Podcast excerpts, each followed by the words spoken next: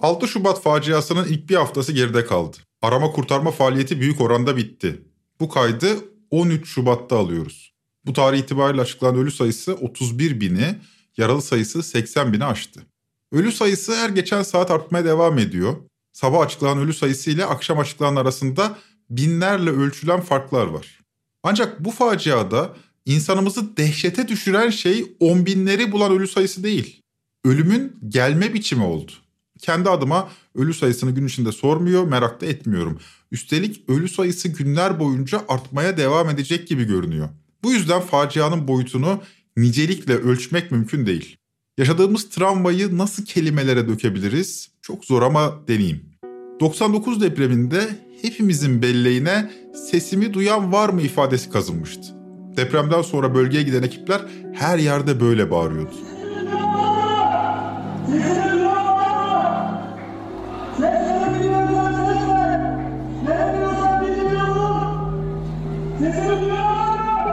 Fakat bu sefer bambaşka bir şey yaşadık. 6 Şubat'tan beri bölge halkı enkazın altından gelen sesleri dinledi. Günlerce, binlerce insanın gözünün önünden yakınlarının enkaz altındaki video mesajları gitmiyor. Fatma. Hakkınızı helal edin. Bir sürü insanın bende hakkı var. Bu telefonu Bu telefon bulunursa herkes eşiğim hakkını benim. bize helal etsin. İşte yaşadığımız şok budur. Ölü sayısı falan değil. Bölge insanının travması da budur. Günlerce enkaz altındaki yakınlarının seslerini dinledi insanımız. Çocuklar annelerinin seslerini, babalar kızlarının seslerini. Hatay, Maraş, Adıyaman gecenin zifiri karanlığında günlerce enkaz altından gelen çığlıklarla inledi.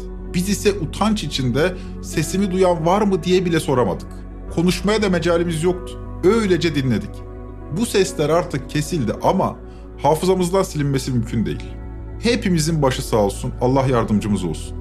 Şimdi ölülerimizi toplama zamanı. Ne yaşadığımızı artık biliyoruz fakat anlam vermekte zorlanıyorduk. Şimdi kafa kafaya verip anlama zamanı. Artık yeni bir döneme giriyoruz. Bu bölümün konusu da bu yeni dönem olacak. Bu yeni dönemi hem bugünkü cahilliğimizle anlamaya çalışacak hem de gelecekte bu yeni dönemi nasıl anacağımızı hayal edeceğiz. Ben Ozan Gündoğdu, hazırsanız başlayalım. İnsan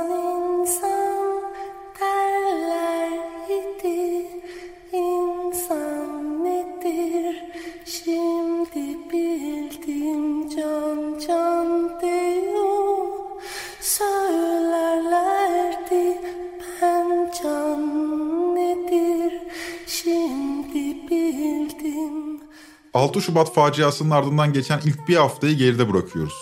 Arama kurtarma faaliyetlerinde artık sona gelindi. Henüz ölülerimizi sayabilmiş değiliz. Ulaştığımız cenazelerin sayısı 31 binin üzerinde. 10 binleri ise enkaz altında bıraktık. Zor olduğunu biliyorum ama yaşadığımız şeyin ne olduğunu anlamak için bunları kayıt altına almak gerektiğini düşünüyorum. Depremin ilk günlerinden bu yana sosyal medyada geçirdiğimiz vakit arttı. İlk günlerde sosyal medyadaki yardım çığlıklarını çoğaltmaya çalıştık. Benim DM kutumdaki bazı mesajları size okumak istiyorum. Bunu tarihe küçük bir not bırakmak adına yapıyorum. Annemin üstündeki blok kalksa kurtulacak. Lütfen yalvarıyorum vinç lazım demiş birisi. Kendi çabalarıyla çıktılar ama ambulans lazım. Çok acil lütfen paylaşın demiş bir diğeri. Enkazın altından ses geliyor. Köpekler de tepki gelmiş. Lütfen arama kurtarma ekibi yok. Lütfen paylaşın demiş birisi. Termal kameraları yok diye gittiler ama ses geliyor. Yaşıyorlar lütfen yardım gönderin. DM kutumun tamamı ses geliyor çağrılarıyla dolu. Ses geliyor diye günlerce yalvardılar insanlar. Teyit edemediklerim olduğu için hepsini paylaşamadım. Birkaç saat zihnim paralize oldu ve kontrolü kaybettim. Böylece hepsini teyit etmeden paylaştım birkaç saat boyunca. Bana mesaj atmasına rağmen paylaşmadığım kişilerden biri annemi kaybettik bu bilgiyle yaşamanızı dilerim diye yazmış. Kendisine vinç lazımdı gelmemiş. Bu mesajın ardından ister istemez daha titiz olmaya çalıştım. Teyit etmeden paylaştıklarım oldu. Paylaştıklarıma faydam dokundu mu dokunmadı mı bilmiyorum ama o mesajı gönderen kişiyi paylaşmamıştım. Kendisinin attığı tweetlere baktım. Neredeyse herkese yalvarmış. Vinç lazım diye. Ben paylaşmadım. Kimse paylaşmamış. Paylaşılsa farklı mı olurdu bilmiyorum. Herkese sabır dilemekle yetineyim. İlk iki gün yapayalnızdılar. Üçüncü gün kurtarma ekiplerini gördüler ama ekiplerin teçhizatları yoktu. Teçhizatlar geldiğinde ise sesler kesilmişti. Seslerin yerine derin bir matem aldı. Depremin 7. gününde artık yardım çağrıları geride kalmaya başladı. İnsanlar bu saat itibariyle enkazların altındaki cenazelerini almak istiyorlar. Beni arayan son kişi de 12 Şubat'ta ses geliyor dedi. Bu ses geliyor ifadesini hayatım boyunca unutmayacağım. Enkazdan babamın sesi geliyor diyen biriyle son derece soğukkanlı konuştum. Normalmiş gibi. Bugün itibariyle kendisinin durumunu sormaya utanıyorum. Artık sosyal medya akışımız ölüm ilanlarıyla dolu. Hayatta olmayan insanlar fotoğraflar ve videolarla anılıyorlar. Hepimiz gibi insanlar. Annesini, babasını, bebeğini, belki dedesini, belki anneannesini, belki aşık olduğu kişiyi. Sevgilisini depremde kaybeden bir hanımefendi sevgilisiyle en mutlu anlarını paylaşmış Twitter'da. Meleklerin sözü var diye not düşmüş. Son nefesimde elimi sen tutacaksın Sonsuz elimi bilsen duyacaksın meleklerin Oh. Var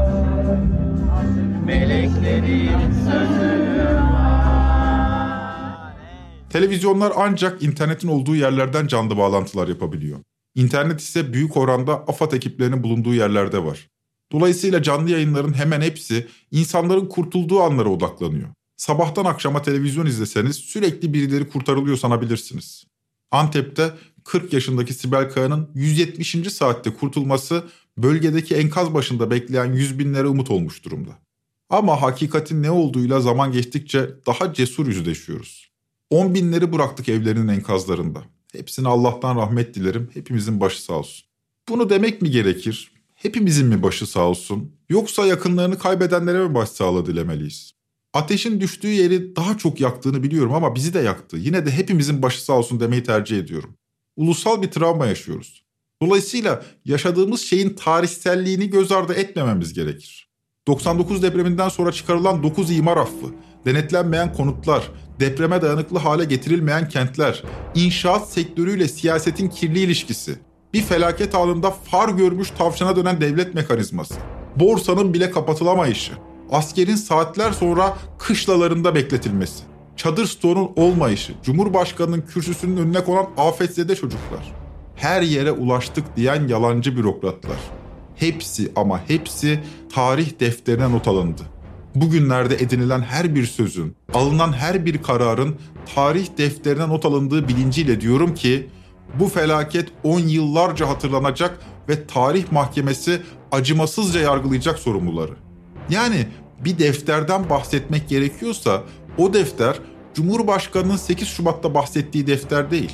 Asıl defter tarih defteri. Günü geldiğinde şu anda tuttuğumuz defteri de açacağız. Savcılarımız bu tür insanlık dışı yöntemlerle sosyal kaos çıkarmaya tevessül edenleri belirleyip gereken işlemleri süratle yapıyor. Seçmenler ve siyasetçiler siyasetin talep ve arz cephesindeler. Her ikisi de varoluşu gereği kısa vadeli düşünüyor. Kısa vadeli düşünmek siyasetin çünkü doğasında var. Ve biz son yıllarda aşırı politize olduk. Her birimiz bir yurttaş olmaktan çok bir seçmen gibi davranmaya başladı. Her birimizin bir siyasal karar verici olarak seçmen olma özelliği pekişti daha doğru ifadeyle. Dolayısıyla biz de kısa vadeli düşünür hale geldik. Seçimler ne olur? 14 Mayıs tarihi konuşuluyordu. Akşener 18 Haziran dedi. Erdoğan bölgenin imarı için bir yıl süre istedi. Acaba seçimleri bir yıl ertelemek niyetinde mi? Bunların hepsini konuşacağız ama bunlar kısa vadeli ve bana kalırsa çok da önemli olmayan tartışmalar. Bu sorumlular bir gün daha popüler olabilir, diğer gün popülaritesini kaybedebilir. Anı takip ettiğimiz sürece zihnimiz manipüle olur. Anı takip etmeyi boş verin ve kadrajınızı zaman doğrusundan biraz uzağa taşıyın. Anlatabiliyor muyum emin değilim. Zamana daha geniş bir pencereden bakmayı deneyin. Ana değil, tarih çizgisine odaklanın. Ne görüyorsunuz? Tarihe geçtiler. Farkındasınız değil mi? Tarihe geçtiler. Basit bir travma değil çünkü bu. 10 yıllar boyunca hatırlanacak bir felaket. Sadece bugün yaptıklarıyla değil, geçmişteki konuşmalarıyla da tarihe izlerini bıraktılar. Tarih defteri 17 Ağustos'un 20. yıl dönümünde Cumhurbaşkanı Yardımcısı Fuat Oktay'ın sözlerinin altını bir daha çizdi. 17 Ağustos'tan bugüne çok şey değişti. 17 Ağustos'ta kendi bakanlar kurulu üyeleri ile bile irtibatı sağlayamayan bir hükümetten ve sahaya inemeyen depreme müdahale boyutundaki bir hazırlıksız süreçten bugün dünyanın en iyi sistemine sahip olan sadece Türkiye'deki kendi vatandaşına bir şey olduğu zaman sadece değil, dünyanın neresinde olursa olsun anında harekete geçebilen ve oraya ulaşabilen bir Türkiye'den bahsediyoruz. Yani Cumhurbaşkanı'nın dediği gibi bir defter açılır ve 3-5 ay sonra gazetecilere, vatandaşlara soruşturmalar açabilirler. Belki seçimi falan da kazanabilirler veya bambaşka bir tabloyla da karşılaşabiliriz. Ama boş verin bunları. Çünkü tarihe geçtiler. Farkında olmamız gereken bu. Kısa vadede ne olacağını net şekilde bilmiyoruz. Fakat netleşen bir şey var. O zamana kadar tarihin onları nasıl yazacağı net değildi. Erdoğan bir kahraman mıydı yoksa yıkıcı bir iktidarın bir numarası mıydı? Artık net. Bugün henüz doğmamış çocuklar bile 10 yıllar sonra 2023'teki gibi bir rezaleti yaşamayacağız cümlesini duyacak o isteyen siyasetçilerden. Bu toplum şarkılar besteleyecek, ağıtlar yakacak, filmler, diziler çekecek, romanlar yazacak bugünler hakkında. Ve aradan yıllar geçip filmler çekilirken aman siyaset yapmak gibi anlaşılır bu demeyecek sanatçılar. Böyle bir kaygıları olmayacak. Çünkü aradan yıllar geçmiş olacak. Bu yüzden tarih mahkemesinin pek yüce gönüllü olduğu söylenemez. Oldukça acımasızdır. Bugün iktidarı elinde tutan güçler tarih mahkemesine çıkacak ve bu mahkeme çok da hoşgörülü davranmayacak bugünkü iktidara. Bugün iktidarın fanatiği haline gelmiş ve zihinleri bulanmış küçük bir azınlık sosyal medyada küfürler sıralıyor olabilir. Mesela popüler bir troll, bir iktidar fanatiği Tuğrul Selmanoğlu. Depremdeki eksiklikleri duyuranlarla, yardım çağrılarını paylaşanlarla dalga geçmiş. Çadırların ve pet şişe sularının toplandığı bir alandan yayın yapmış. Arkada çadırlar duruyor. Bu da aklınca dalga geçiyor. Su yok diyor, çadır yok diyor. Kendince alaya alıyor eleştirileri. Öyle ya aslında hiçbir sorun yoktu, her şey yolundaydı. Böyle bir algı yaratmaya çalışıyor ve videoyu şöyle bitiriyor. Evet. Biraz şey hain tasmalı köpek taklidi yapayım dedim. Tasmalı it taklidi yapayım dedim.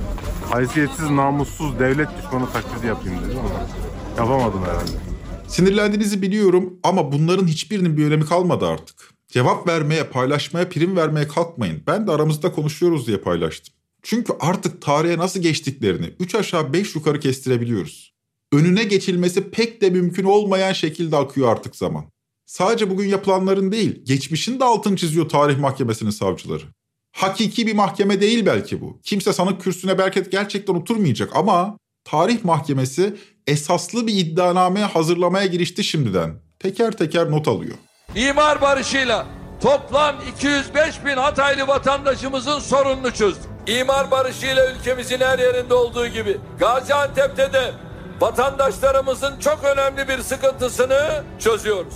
İmar barışıyla toplam 144.556 Maraşlı vatandaşımızın sorununu çözdük. Bu bölümde matemimizi yüreğimize gömüp bu travmanın toplumsal ve politik sonuçlarını konuşacağız. Çünkü bugünü yönetmeye kalkarken yapılanlar yarının belleğini oluşturacak. O halde soralım. Bugün nasıl yönetiliyor ve yarın ne olmak zorunda? Depremin ilk haftasını geride bıraktık. Arama kurtarma faaliyetlerinde sona gelindi. Yeni bir döneme giriyoruz. Şimdi ölülerimizi sayma ve onlarla vedalaşma zamanı. Hepimizin tekrar başı sağ olsun. Tüm bunları yaşarken siyaset kurumu toplumun yaşadığı travmanın farkına varamadı. Sadece iktidar değil, muhalefet de bana kalırsa vaziyeti idrak etmekte zorlandı. 7 Şubat'ta yayınladığımız bölümde dile getirmiştik. Müzik değişti ama siyasetin dansı henüz değişmedi. Fakat değişmek zorunda. Yeni müziğe uygun bir dansa geçmek zorundalar. Bir kere iktidarın önünde çok büyük bir sınav var. O sınavın konusu ne derseniz o sınavın konusu öz eleştiri. Bir haftadır kuyruğu dik tutuyorlar. Burunlarından kıl aldırmıyorlar. Bölgedeki terk edilmişlik duygusunu görmezden gelmemizi istiyorlar. Aksi yönde haberleri fitne yaymakla suçluyorlar. Panik haldeler, oldukça agresif bir dile sahipler, alıştıkları gibi. Ama dediğim gibi dansın değişmesi lazım. Her yere yetiştiklerini, eksikliklerin sosyal medyanın abartması olduğunu falan söylüyorlar. Mutlaka eksiklikler olmuştur diye geçiştiri veriyorlar on binlerce insanın göçük altında kalmasını. Halbuki hakikatin ne olduğunu artık hepimiz biliyoruz. Dünden beri biz buradayız. Herhangi bir çalışma ekibi falan yok. Bugün kameralar geldi. TRT Haber'in ekipleri geldi. Çalışmalar kameraların gelmesiyle başladı. AFAD ekibini bekliyorlar çekim için şu an. Bu videoyu herkese gösterin. Çalışma falan yok. Hiçbir yerde yaralılar çok altta. Ses geliyor. iki günden beridir de herhangi bir çalışma yok. Dünden beri şu ağızda bir vatandaş var. Bağırıp çağırıyor. Herhangi gelip geçen bak dönüp gidiyordu. Bir uğraş yok. Kameraların gelmesiyle yeni çalışmalar başladı burada. İktidarın propaganda aparatları bir hafta boyunca elinden geleni yaptı ama sonuç pek parlak değil. 100 bire yakın insanımızın hayatını kaybettiği düşünülürse hala ölülerimizden daha fazlası var enkaz altında. İktidar kuyruğu dik tutuyor ama bu durum geçici. Türkiye'nin gözündeki perde 6 Şubat felaketiyle açıldı.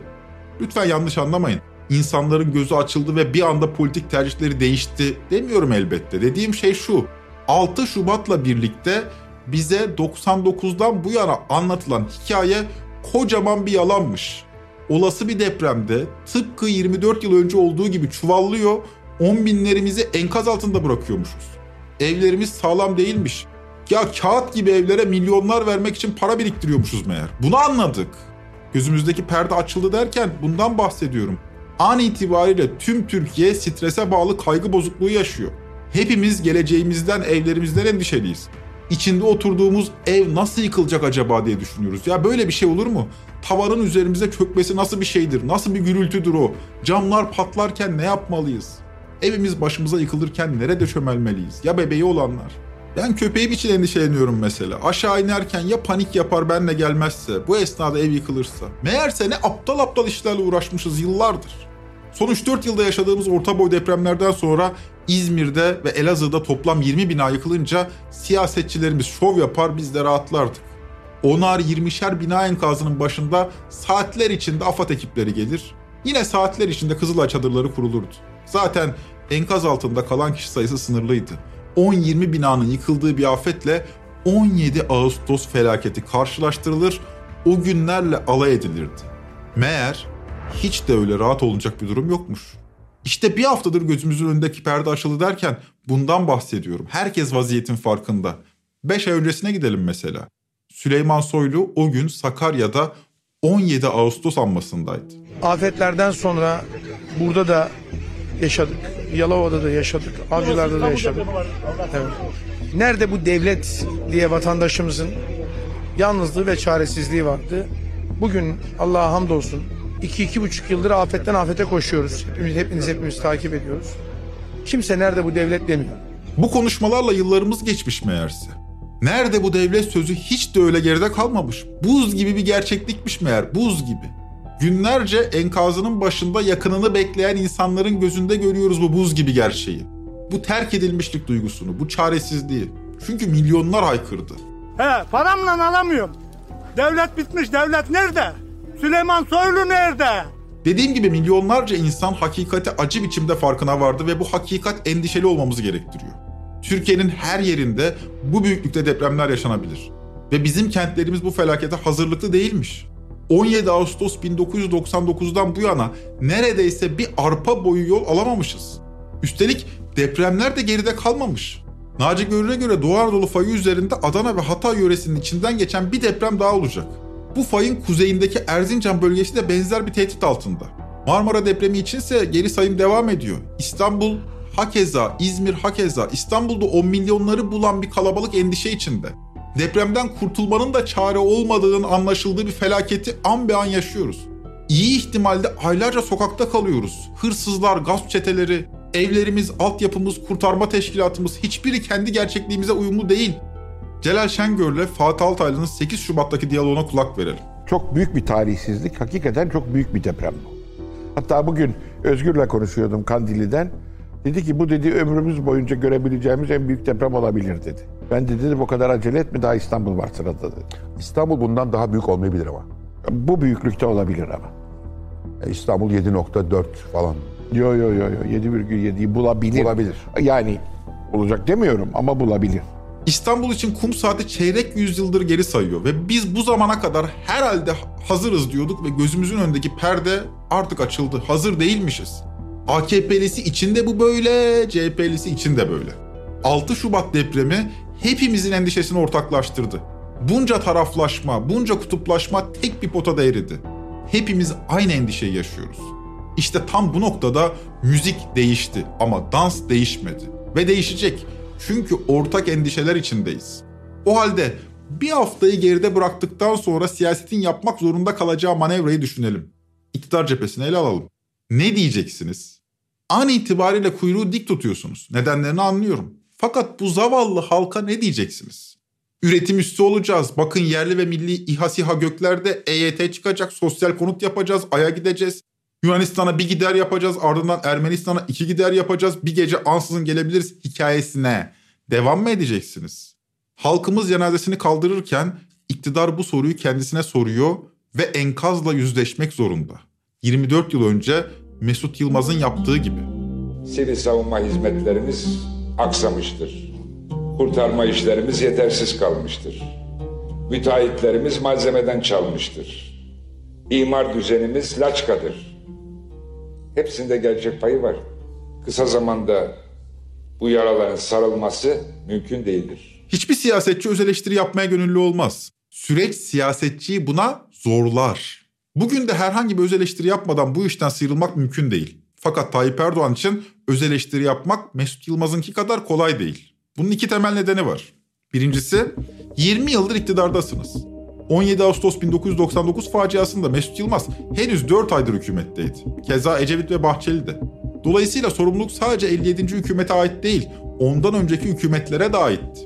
Fakat Erdoğan için bu geçerli değil. 99 depremi gibi bir afetin ardından onlarca söz vererek 20 yıldır iktidar koltuğunda oturuyor. Cumhuriyet tarihinin en geniş yetkilerine haiz bir cumhurbaşkanı kendi sistemini inşa etti ve tablo ortada. İşte bu yüzden sorumluluğuna ilişkin öz eleştiri vermek zorunda. İkincisi, Mesut Yılmaz ile Tayyip Erdoğan'ın siyaset yapma biçimleri farklı. İktidar partisi kendisinden önce bir tarih yokmuşçasına siyaset yapıyor. Her şey ama her şey AKP ile başladı ve Türkiye AKP ile birlikte huzura kavuştu anlatısıyla 20 yılı geride bıraktık. Bu anlatı AKP'nin seçmen tabanında da bir biçimde karşılık buldu fakat bu anlatı 6 Şubat'la birlikte çöktü. 12 Şubat'ta Fox TV'de yayınlanan orta sayfa programında Murat Yetkin buraya vurgu yapmış. Türkiye'yi 20 yıldır kendisinden önce bir uygarlık olmayan, yönetim olmayan, hukuk olmayan bir ekip yönetiyor 20 yıldır Türkiye'yi. Tarihi kendileriyle başlatan bir ekip var. Daha önce yapılmış her şey kötüdür. Çünkü biz başta yoktuk. Daha önce bürokrasi çok kötüydü. Kızılay çok kötüydü, asker çok kötüydü. Çünkü başında biz yoktuk. Şimdi başında biz olduğumuz için her şey çok iyi. Zannıyla giden ve milyonları da buna inandırmayı çok iyi bir laf kalabalığıyla, laf ebeliğiyle başaran bir ekip Türkiye'yi yönetiyor 20 yıldır. Ve bu artık ekip olmaktan da çıktı bir kişi oldu. Fakat 6 Şubat faciası 99'la yani Erdoğan'ın lügatındaki eski Türkiye ile 2023'ü yani yeni Türkiye'yi birbirine bağladı. Halbuki Erdoğan bu iki Türkiye'nin birbirinden kopuk olması üzerine oturtuyordu iktidar koltuğunu. Siyasetini tümüyle bunun üzerine kurmuştu. Kenan Evren'in siyaset diline benziyor. Onu da kitleler evren gitsin de 12 Eylül öncesine mi geri dönelim, yine mi kardeş kavgası başlasın diye başında tutardı. Kenan Evren de yüz binleri topladığı meydanlarda kendisinden önceki zor günleri abartarak anlatır, kitleleri kendi yönetimine razı ederdi. Hadi gelin bu sefer 40 yıl geriye gidelim. 1982 Anayasası'nın oylandığı 7 Kasım referandumundan 2 gün öncesine Taksim Meydanı'nda Kenan Evren'in mitingine kulak verelim. Ve eğer sevgili vatandaşlarım hiçbiriniz o geçmiş ateşli, kanlı, ölümlü, izdıraplı, üzüntü ve ümitsizliklerle dolu, can korkusu altında ve memleket elden gidiyor çırpınışlarıyla kendiniz, evlatlarınız, ananız, babanız, eviniz ve vatanınız için endişe ve korkular içinde yaşadığınız o kara günleri bir daha yaşamak istemiyorsunuz. Bunları yaratan sebepleri daima hatırlayınız. Kenan Evren yaşadığı günlerde sevilmeyen bir figür değildi. 7 Kasım 1982 anayasa referandumunda halkımızın %91.4'ü evet oyu kullanmıştı. O yüzden tarih defterini açmak gerekir diye düşünüyorum. Kenan Evren'in iktidarı zorla kuruldu, darbeyle. Fakat evrene dönük halk teveccühünün nedeni 1970'li yılların sonunda yaşanan iç savaş atmosferiydi. Ve evren halkın rızasını kendisinden önceki travmatik günlerle kendi dönemini karşılaştırarak aldı. Erdoğan'ın iktidarı ise rıza ile kuruldu. Sandıkla. Erdoğan'a dönük halk teveccühünün nedeni de 1999 depremiyle başlayan, 2001 Şubat kriziyle zirve yapan travmatik yıllardı. Erdoğan giderse 1999'a geri mi dönelim? 2001 krizini yeniden mi yaşayalım? Böyle deniyordu. Şimdi ise yıllardır ekonomik bir bunalımın içinden geçiyoruz. Halk kitleleri devletin şişirilen gücüyle avunuyor, ekonomik krizin geçici olduğunu düşünüyordu. Derken 99 depreminden daha büyüğü de yaşandı. Ve 99'daki görüntülerin daha kötüsünü gözlüyoruz. Dolayısıyla iki Türkiye artık bir araya geldi. Halk için eskisi nerede bitiyor, yenisi nerede başlıyor belirsiz. Mutlaka politik farklılıklar var ama halk için belirsiz. Politik nutuklar ise artık kocaman bir boş gösteren. Sizin hayatınızda sadece mum vardı mum. Gaz lambası vardı gaz lambası. Biz ise bunu işte bu hale getirdik. 6 Şubat 2023 faciası iki Türkiye'yi bir araya getirdi. Eski ve yeni Türkiye. İkisinin de birbirinden beter olduğu, ikisinin de bu halkın endişelerini gidermediği ortada. Siyasetçiler öz eleştiri vermeye gönüllü olmazlar. Şartlar onları öz eleştiri vermeye zorlar dedik. Aksi yönde önünüze bakamazsınız. Erdoğan da öz eleştiri verecek. Yanlış anlamayın bunu dikte etmiyorum. Verecek işte o kadar gibi ajitatif bir şey demiyorum. Vermek zorunda olduğu için verecek. Bunu diyorum. Çünkü endişelerle dolu bu halkın rızasını almanın başka bir yolu yok. Ne diyeceksiniz 20 milyon İstanbulluya mesela? 2-3 müteahhit içeri atıp bu halkın evlerini güçlendirmeden, yeni kent planları oluşturmadan, uzun yıllı planlar ve hedefler belirlemeden yolunuza devam edemezsiniz. Ya da etmeye kalkarsanız rakibiniz bu konuda ön alır. Allah aşkına düşünün. Bir taraf diyor ki 20 yıldır her şey doğruydu, düzgündü, başımıza gelen de Allah'ın takdiriydi. Birkaç ay sonra o istemeye kalkarken de depreme ilişkin hiçbir vaadiniz olmayacak. Tek vaadiniz harabeye dönmüş kentlerin yeniden yapılması olacak. Bazı şehirlerimizi yeni baştan inşa edecek. Bazılarının yerinde ihyasının yollarını arayacağız. Yüz binlerce konutun altyapısı ve üst yapısıyla inşası anlamına gelen bu süreci kısa sürede tamamlayacağımıza inanıyoruz. Ben sizlerden bir yıl süre istiyorum. Harabe kentlere konutları yapıp hayatımıza devam mı edeceğiz? Sonra Marmara, Adana, Erzincan ve İzmir depremlerini beklemeye mi başlayacağız? Bu halk hafife almayın. Alanlar var görüyorum ama bu kadar hafife almayın. Böyle bir travmadan çıkmış hiçbir halk bu numarayı yutmaz. Son 20 yılda yaşadığımız hiçbir travma bu yaşadığımıza benzemiyor bakın. Bırakın son 20 yılı. 3 kuşak boyunca dede de torun da böyle bir şey daha önce yaşamadı. Ve bilim insanları bu halka diyor ki bitmedi, devamı gelecek. Hatta en kötüsünü daha yaşamadık, daha Marmara var diyorlar. Marmara bölgesinde 1999'dan sonra her an olmak kaydıyla önümüzdeki 30 yıl içinde deprem olma olasılığı yüzde 64'tür denildi. Bu büyük bir olasılık. Yani yazı tura atsan bile yüzde 50 ile atıyorsun. Bu yüzde 64 30 yıl içinde olma olasılığı.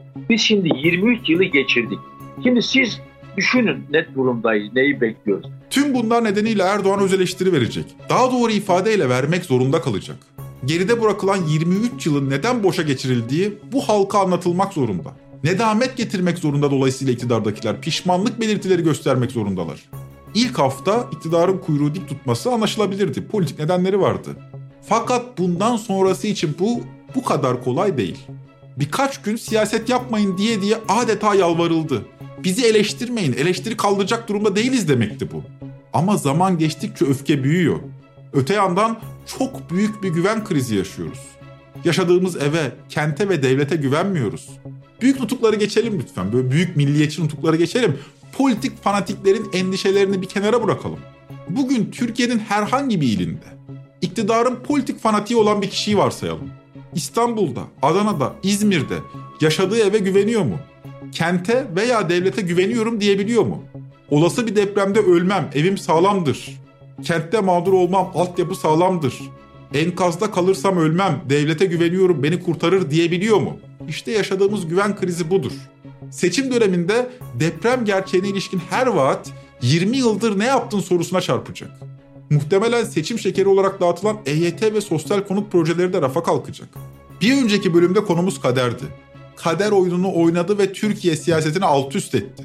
Türkiye bir deprem ülkesi olduğu gerçeğiyle son derece acı biçimde yüzleşti. Bu yeni gerçeğin karşısında nedamet getirmeden uyum sağlanamaz. Çünkü halk sandığa bu sefer yaralar sarıldı mı sarılmadı mı diye gitmeyecek. Gelecek depremde çocuğumu, annemi, babamı, sevgilimi enkaz altında bırakacak mıyım diye gidecek.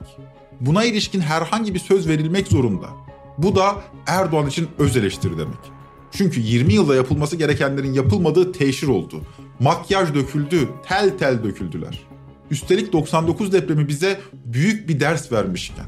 Fakat öz eleştirinin boyutu ve niteliği ne olacak? Bunu zaman gösterecek. Yani bu dik kuyruğun ya zorla dik tutulduğunu ve toplumun çok sert şekilde baskı altına alındığını göreceğiz ki bana kalırsa bu faydasız olur ya da redamet getirerek pişmanlık belirtileri göstererek o dik kuyruk inecek. Öz eleştiri verilecek ve halkın konu sorununa ilişkin yeni vaatler salınacak. Ki bence bu da bana kalırsa siyaseten çözüm olmayacaktır. Her iki olasılıkta da sandığı tahmin etmek güç. Böyle bir şoka maruz kalmış halkın tercihleri belirsizleşir. Bir de cari dönemde çok fazla manipülatör var, medya falan. Fakat gelecek dönemde bu manipülatörler olmayacak. İşte tarih mahkemesi de hükmünü o zaman verecek ve çok acımasız davranacak. Bu bölümü hazırlarken 12 Şubat'ta beni arayıp babamın sesi geliyor vinç lazım diyen kişiye durumu sordum. Dün gece Konya'dan kendi imkanlarıyla yani parasını vererek vinç getirmişler ama vinç yola çıktığında da artık ses kesilmiş. Sesimiz kesildi sevgili arkadaşlar. Bu iş parti meselesi değil, sesimiz kesiliyor. 10 yıllar boyunca unutmayacağımız bir sessizliğe gömüldük. Tren Topi'yi Podbi Medya ile beraber hazırlıyoruz. Bir sonraki bölümde tünelin ucunda bir ışık görmenizi dilerim. Hoşçakalın. İnsan insan derler idi insan nedir? Şimdi bildim can can diyor. Söylerlerdi